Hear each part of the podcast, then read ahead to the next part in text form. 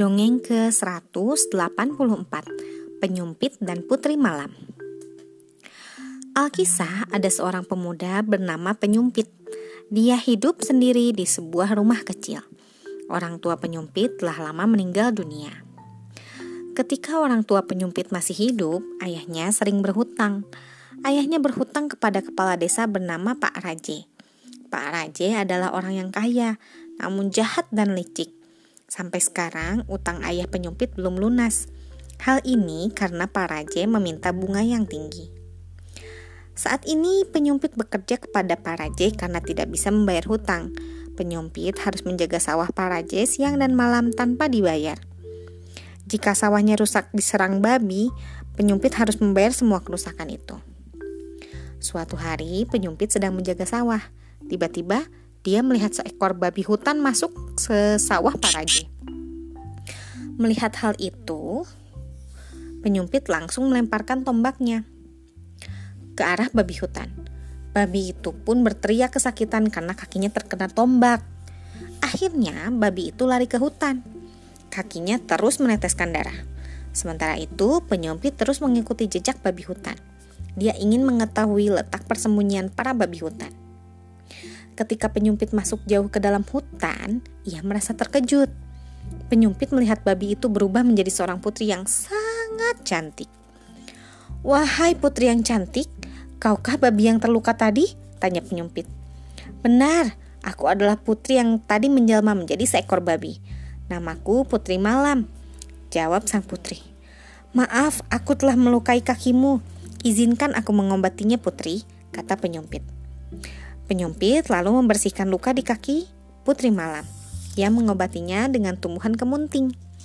Keesokan harinya, Putri Malam sudah sembuh dan bisa berjalan lagi. Sebagai tanda terima kasih, Putri memberikan beberapa bungkusan. Bungkusan itu berisi kunyit, buah nyatoh, daun simpur, dan buah jering kepada penyumpit.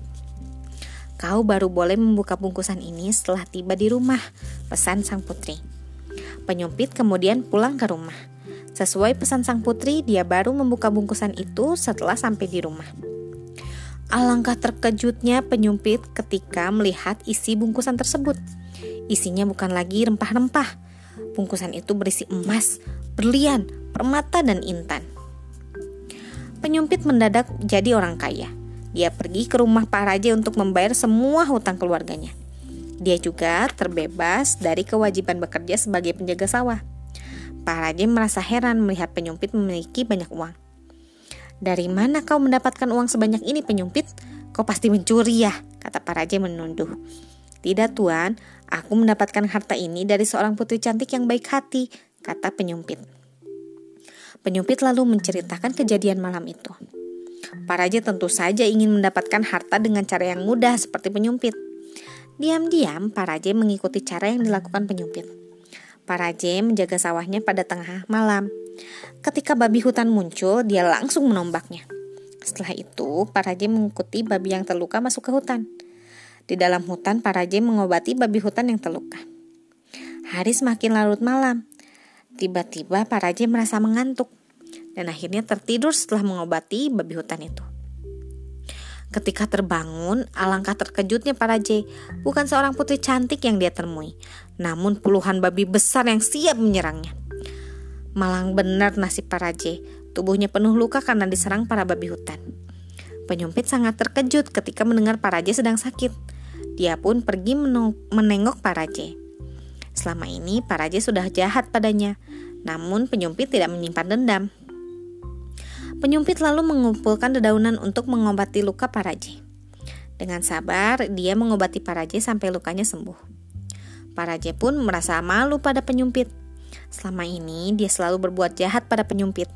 Namun, ketika dia sakit, penyumpit tetap menolongnya dengan ikhlas. Penyumpit, aku minta maaf atas semua perbuatan jahatku. Sebagai rasa terima kasih kepadamu, menikahlah kau dengan anakku, kata Paraje. Akhirnya, penyumpit menikah dengan anak Paraje. Mereka hidup dengan tenang dan bahagia. Kini, penyumpit sudah menjadi orang kaya. Namun, dia tidak sombong dan tidak kikir. Penyumpit selalu membantu siapa saja yang memerlukan bantuannya. Sekian, terima kasih telah mendengarkan. Selamat malam.